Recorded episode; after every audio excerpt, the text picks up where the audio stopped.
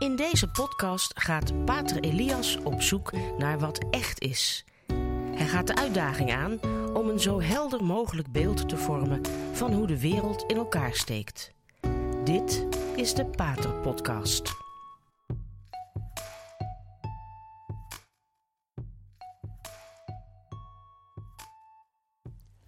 Terwijl ik zat na te denken over een thema dat ik zou kunnen aansnijden in deze Pater-podcast, kwam eigenlijk gelijk in me op om het over de angst te gaan hebben.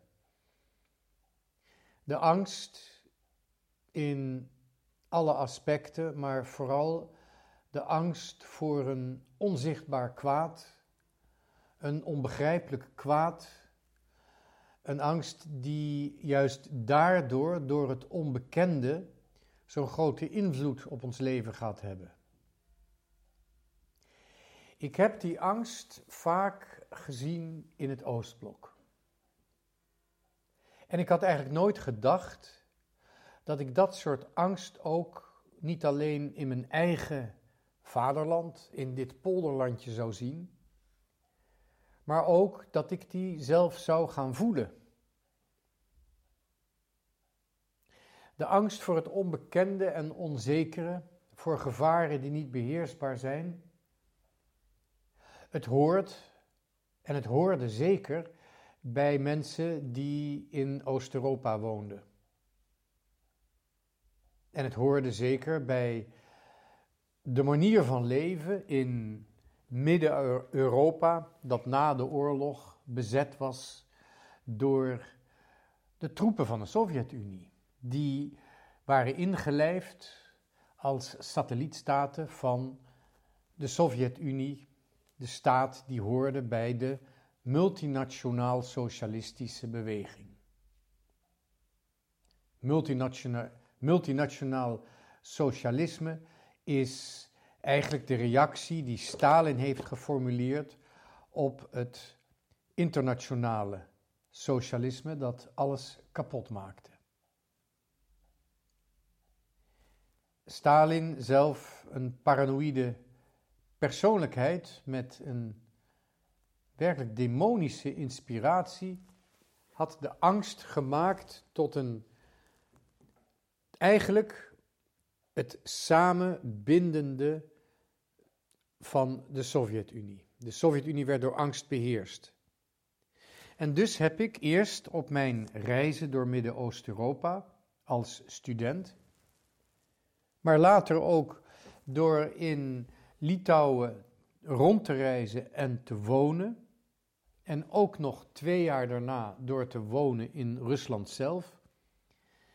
Ben ik vaak geconfronteerd met die, met die angst, die existentiële angst die bij ieder totalitair systeem hoort.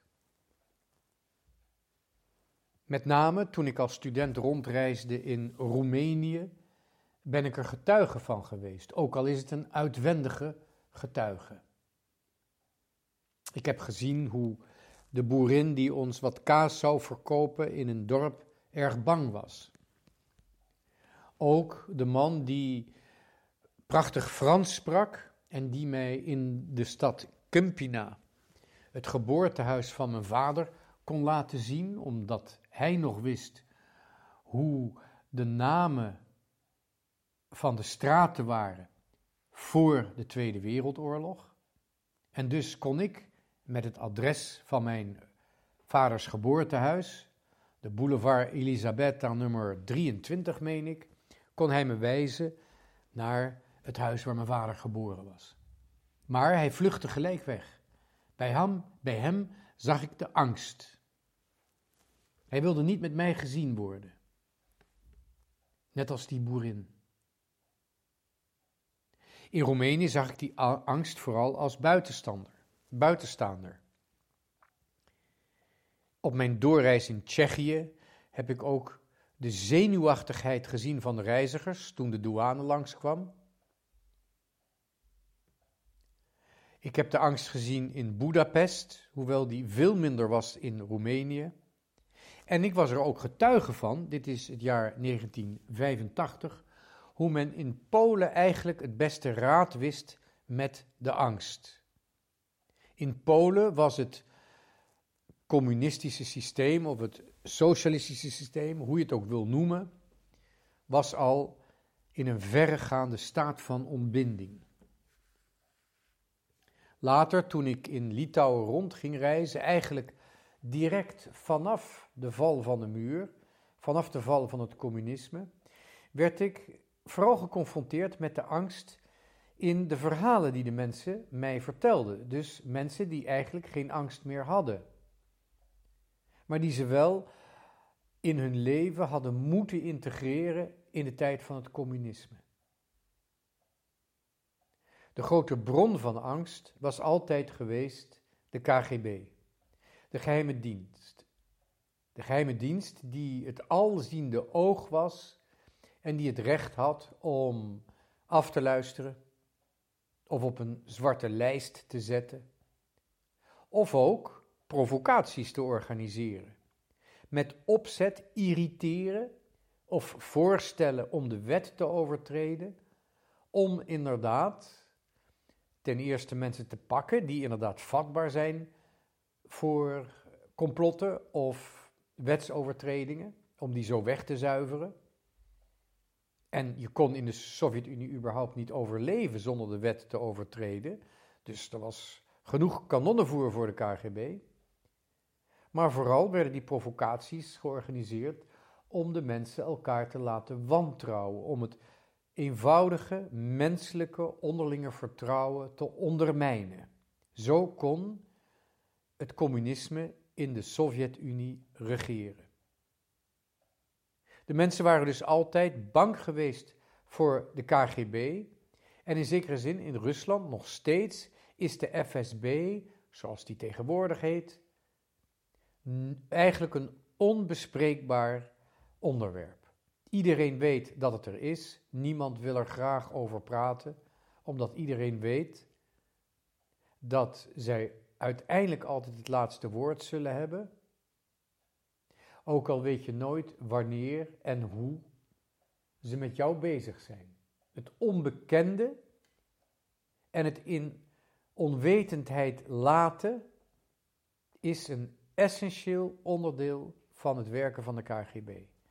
Dus je praat er niet over en het is ook niet nodig om erover te praten, want iedereen weet wat het is. Dat is nu nog zo in zekere zin in Rusland, en ik zeg in zekere zin, omdat er geen ideologisch systeem erachter zit. Maar het is wel nog in de herinnering, ook al is het niet meer zo, het is nog wel in de herinnering van de mensen die in Midden-Europa, zoals Polen en Litouwen, dat systeem nog hebben meegemaakt. En daar konden ze me uitgebreid over vertellen. Maar ik bleef natuurlijk een getuige en een buitenstaander. Toen ik in Litouwen heb gewoond, als gevangenisalmoezenier heb gewerkt, toen is me dat nog meer duidelijk geworden. Omdat de gevangenis, die zeven jaar lang dat ik daar gewerkt heb, toch eigenlijk een soort van openluchtmuseum was van het oude systeem. En openlucht is natuurlijk een beetje een rare term, want iedereen zat er onder een dak, 23 uur per dag. Een soort van gesloten inrichting met nog een hele psychologische structuur, een denkmechanisme zoals dat in de Sovjet-Unie heerste. Ik heb daardoor dat systeem van nabij kunnen meemaken. Zo was er in die gevangenis, met de prachtige, nietszeggende naam, de speciale dienst, was er ook een soort van mini-KGB aanwezig. Met een officier, door iedereen gevreesd en gehaat, die ergens achter in het gebouw weggestopt zat in de kelder in een kantoortje en van daaruit ook zijn provocaties organiseerde. Hij was in feite machtiger dan de directeur van de gevangenis zelf. Hij kon permanent bezig zijn met kleine overtredingen organiseren om mensen daarvoor te verleiden en ze daardoor ook weer te pakken. En dan ging het niet eens zo om, om gevoelige elementen uit te roeien en uit te zuiveren. Gevoelige elementen, dat wil zeggen zwakke elementen, die zin hadden of open stonden voor overtredingen, maar vooral iedereen bang te maken voor iedereen. Het ging vooral erom om verdeeldheid te zaaien, want dat was de enige manier waarop een eenheid kon worden gecreëerd. Een eenheid in de verdeeldheid.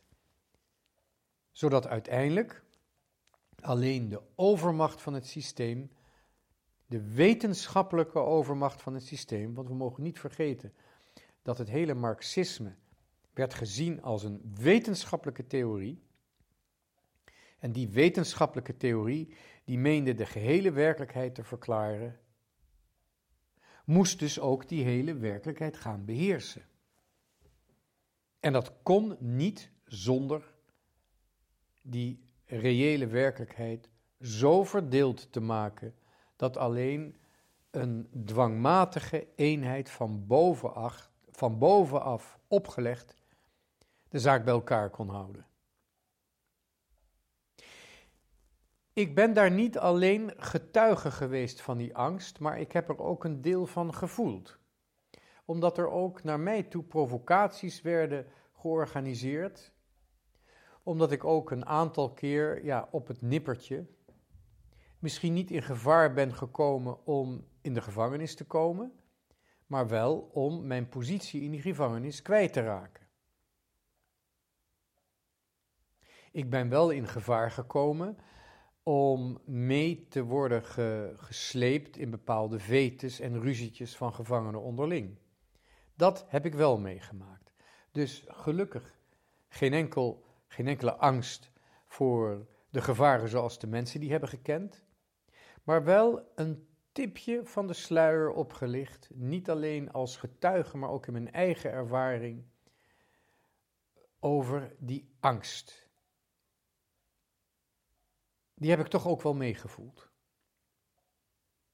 Maar ik heb in die tijd nooit kunnen vermoeden dat ik diezelfde angst in mijn eigen vaderland, in mijn eigen omgeving ook zou gaan ervaren. Eerst uit observaties, maar daarna, daarna ook uit eigen ervaring en zelfs voelen.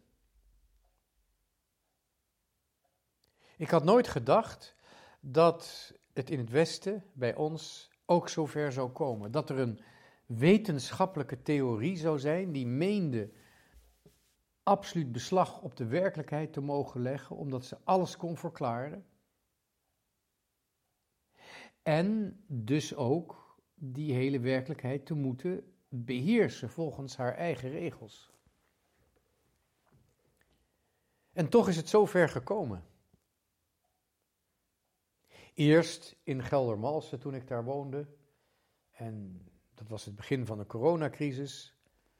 Tijdens de tien minuten lopen naar het dorp om wat bij de supermarkt te gaan halen, zag je al met de dag de angst van de mensen toenemen. Het smalle paadje langs de Lingen, daar kon je gewoon lekker op lopen, vlak langs elkaar. Maar de mensen gingen met een wijde boog om me heen. Vooral als, ik zag, als ze zagen dat ik niet opzij ging, dat ik niet bang was. Je zag de angst in de ogen van de mensen. Je zag de angst in het gedrag van de mensen. En misschien is dat verklaarbaar omdat het toen allemaal nieuw was. Maar we zijn alweer veel verder gekomen. De angst is collectief geworden. En daarna zijn ook de verwijten bijna collectief geworden naar mensen die niet bang waren. En die vragen stelden bij de informatie die de massamedia en de commerciële media op je, op je afgooiden. We kregen al snel verwijten asociaal te zijn of complotdenkers te zijn. En het is vreemd, maar het is een mechanisme wat beangstigend veel lijkt op de manier waarop de Sovjet-Unie is ontstaan. Eerst de angst, vervolgens de minachting naar anderen toe en vervolgens de macht die de verdeeldheid gaat oplossen. de overmacht, de supermacht. Alles zou goed komen met één vaccinatie. Er blijken er toch meerdere nodig te zijn. En dat niet alleen. We blijven eigenlijk, we blijken eigenlijk ons hele leven herhaald gevaccineerd te moeten worden. En nee, het zou nooit onder dwang gebeuren. Maar we zien hoe op het grote schaakbord van Europa geëxperimenteerd wordt op verschillende vakjes. In Oostenrijk wordt in februari de vaccinatie verplicht, althans, zo lijkt het erop. In Griekenland is de vaccinatie vanaf nu verplicht voor iedereen die boven de 60 jaar is. Bij ons nog niet, maar we zien heel duidelijk komen dat het leven voor ongevaccineerden onmogelijk wordt gemaakt. En dat terwijl het al duidelijk is dat ook gevaccineerden gewoon het virus kunnen overdragen. En er geen sprake is van 100% zekerheid, zoals die met volle overtuiging door de politici was beloofd. Maar ja, ze kunnen ons wel meer wijsmaken, we trappen er toch iedere keer weer in. Want ze zijn zo aardig. Grote afwezige is ook deze keer weer de kerk. We mogen geen kerstnacht vieren. Er is geen uitzondering aangevraagd. En dat terwijl 85% van de bevolking is gevaccineerd en alles zou zoveel beter gaan. De vaccinaties blijken af te, althans de effectiviteit blijkt af te zwakken. Dus één is niet genoeg, twee is niet genoeg. We zullen iedere paar maanden op herhaling moeten komen. En dit wordt allemaal eigenlijk vooral gedreven door een angst waarvan je afvraagt of die wel rationeel is. En af en toe observeer je ook binnen kerkelijke kringen een soort van vreugde dat we eindelijk serieus worden genomen. Want wij doen mee met de strijd tegen corona. Katholieken zijn altijd al een beetje tweederangs burgers gebleven in Nederland. Dat heeft ten noorden van de rivieren vooral een minderwaardigheidscomplex tot gevolg gehad. Net als bij de wat betere milieus van de katholieken. Daar heerst ook toch nog altijd een soort van minderwaardigheidscomplex tegenover de rest van de Nederlandse samenleving. Laten we maar gewoon doen. En toen we geëmancipeerd waren, oh wat blij dat we mee mogen doen. Terwijl in een provincie als Brabant men toch heeft geleerd zijn eigen gang te gaan. En het is erg prettig om dat te ervaren, overigens. Langzamerhand zien we dat die, dat katholieke minderwaardigheidscomplex eigenlijk ook weer even gerustgesteld wordt. Niet omdat men de kerk serieus neemt, want dat gebeurt niet. Niet omdat de katholieken ineens populair worden.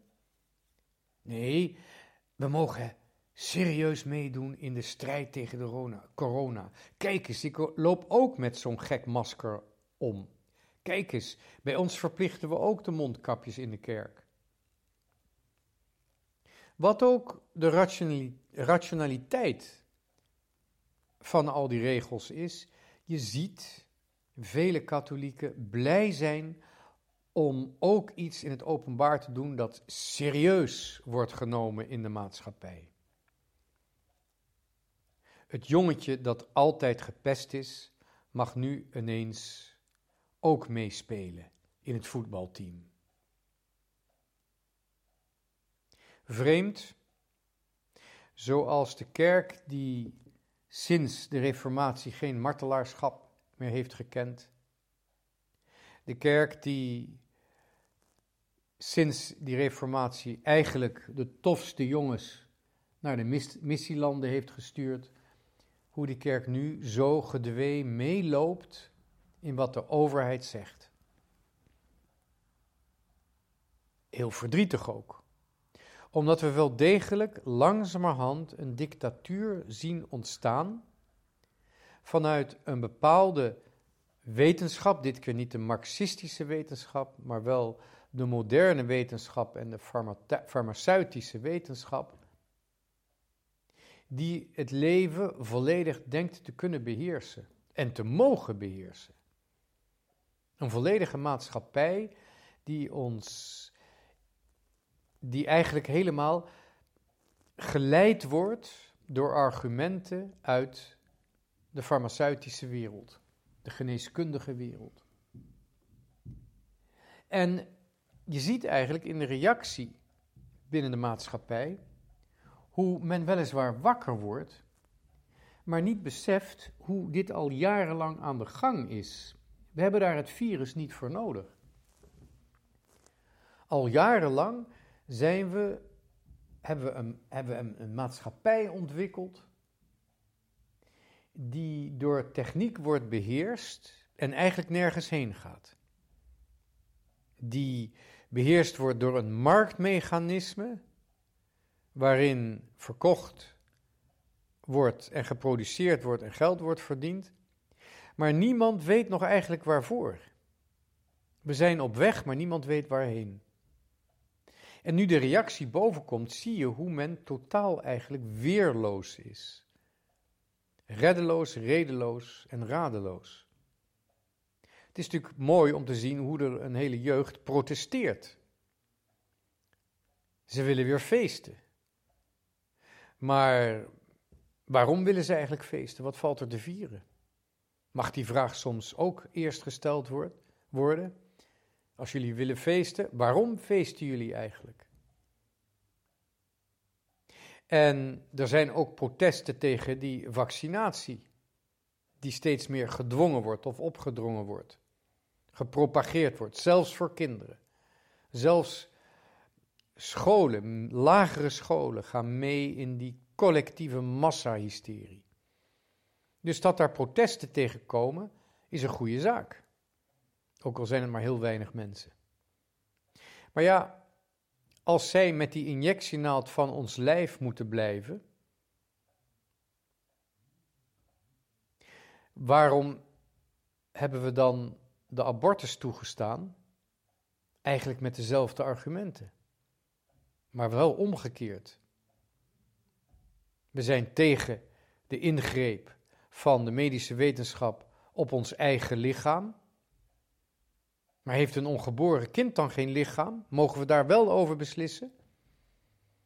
Mogen wij beslissen of een ongeboren kind mag leven of niet? Er was laatst een heel merkwaardig nieuwtje uit, ik meen Duitsland, maar het kan ook Zwitserland zijn. Ik geloof dat het Zwitserland was. Dat alleen nog gevaccineerde patiënten voor euthanasie in een speciale kliniek, ehm, die zouden nog geaccepteerd worden. Alleen voor gevaccineerde patiënten was euthanasie beschikbaar. Want als je niet gevaccineerd was, dan kwam je die kliniek niet in. Ik vraag me af of de mensen die dat voorschrift hebben uitge, uitgevaardigd, die dat voorschrift hebben verzonnen, of die zelf zien wat de absurditeit van de situatie is. Je moet tegen een ziekte zijn gevaccineerd om dood te kunnen gaan. Totale verstandsverbijstering over wat de dood is, wat ziekte is, wat risico's zijn. En het gekke is nu die dwang zich aan ons opdringt en ik nog steeds principieel niet gevaccineerd ben, ook al als het nodig is, doe ik de test. En naarmate ik de ontwikkeling zie van de laatste maanden, zie, ja, merk ik steeds meer dat, meer dat mijn motivatie om niet gevaccineerd te worden alleen maar groeiend is. Maar ik deel wel de groeiende angst en niet alleen als observator, niet als getuige, maar ook in mijn eigen zijn, in mijn eigen wezen, voel ik nu die angst opkomen. Angst om te moeten overleven in een maatschappij die onder dwang tot één groot gekkenhuis is geworden. En dus ook de vraag: hoe lang zullen we nodig hebben om dit te overleven? De Sovjet-Unie is ook uit elkaar geklapt, maar dat heeft wel 70 jaar geduurd. Hoe gaan we overleven in een wereld die volledig door technocraten wordt geregeerd? Hoe, waar het dagelijks leven door farmaceuten wordt bepaald? Hoe lang gaan we daarin overleven? En kunnen we overleven? En bovendien, er zijn een heleboel crises die op ons afkomen waarvan ik me afvraag wat gaan daar de effecten van zijn? Tot nu toe dacht ik, daar komen we wel uit. We zijn creatief genoeg, we zijn solidair genoeg om die kredietcrisis te overleven die als een grote stoomtrein op ons komt aanstormen. En ik dacht, wanneer we werkelijk onze vrijheid goed gebruiken, dan kunnen we misschien ook het land van Bosnië helpen om niet weer af te glijden naar een burgeroorlog, zoals op het ogenblik wel gaande is. U hoort het misschien niet in de massamedia, in de commerciële media, maar ook Joegoslavië loopt weer het gevaar, althans een deel van het oude Joegoslavië, Bosnië, loopt weer het gevaar af te glijden naar een burgeroorlog. Dat komt er dan ook nog bij. Maar nu met deze coronacrisis ben ik daar ineens optimistisch geworden. Vraag, ben ik, sorry, ben ik pessimistisch geworden? Gaan deze crisis niet elkaar allemaal tegenkomen op dezelfde tijd? De viruscrisis, de financiële crisis en het geweld dat niet alleen in Bosnië kan opkomen, maar ook in ons eigen land. Want als je een samenleving op puur materialisme en commercie hebt gebouwd, al decennia lang, als jij al decennia lang kinderen allerlei bizarre seksuele voorlichting op school hebt gegeven, waardoor hun emotionele leven alleen maar chaotischer wordt en ook onvoorspelbaar wordt, dan moet je erop rekenen dat er steeds meer geweld en ook steeds perversere vorm van geweld zullen ontstaan binnen de samenleving. De angst. De angst die we allemaal misschien kunnen voeden voor elkaar, maar waar we toch allemaal persoonlijk tegenover God iets mee zullen moeten doen. Met angst staat de mens alleen tegenover God. En daarom staat hij ook absoluut nooit alleen. We kunnen met angst omgaan op een manier dat we ons samen zijn met God op een nieuwe manier ontdekken, versterken, verdiepen. Ons kunnen overleveren in nederigheid aan de Almachtige die ons geschapen heeft en wier waarheid ook het laatste woord zal hebben. We kunnen onze angst proberen te overheersen wanneer de angst door de overheersende machten van deze wereld wordt opgestookt, kunnen wij over onze macht, of sorry, over onze angst heen komen door te vertrouwen op dat licht dat in iedere duisternis schijnt. Christus is gestorven voor onze zonde. Het lichaam van Christus is verheerlijkt. Niets dat we meemaken ontgaat God, ontgaat de mensenzoon. Hij is verheerlijkt. Hij is de komende. Op hem kunnen we vertrouwen. Angst hoeft geen vat op ons te krijgen. Dat hebben velen ons voorgedaan onder de totalitaire regimes, systemen die de wereld al gekend heeft. En misschien is het onze beurt om tegenover Christus te staan en Hem te bevestigen Christus te bevestigen, te beantwoorden in het licht dat Hij ons geeft. Te bevestigen dat Hij onze Verlosser is en dat wij toegroeien naar het laatste oordeel. En dat we ons voorbereiden op de verrijzenis in het licht van Gods heerlijkheid.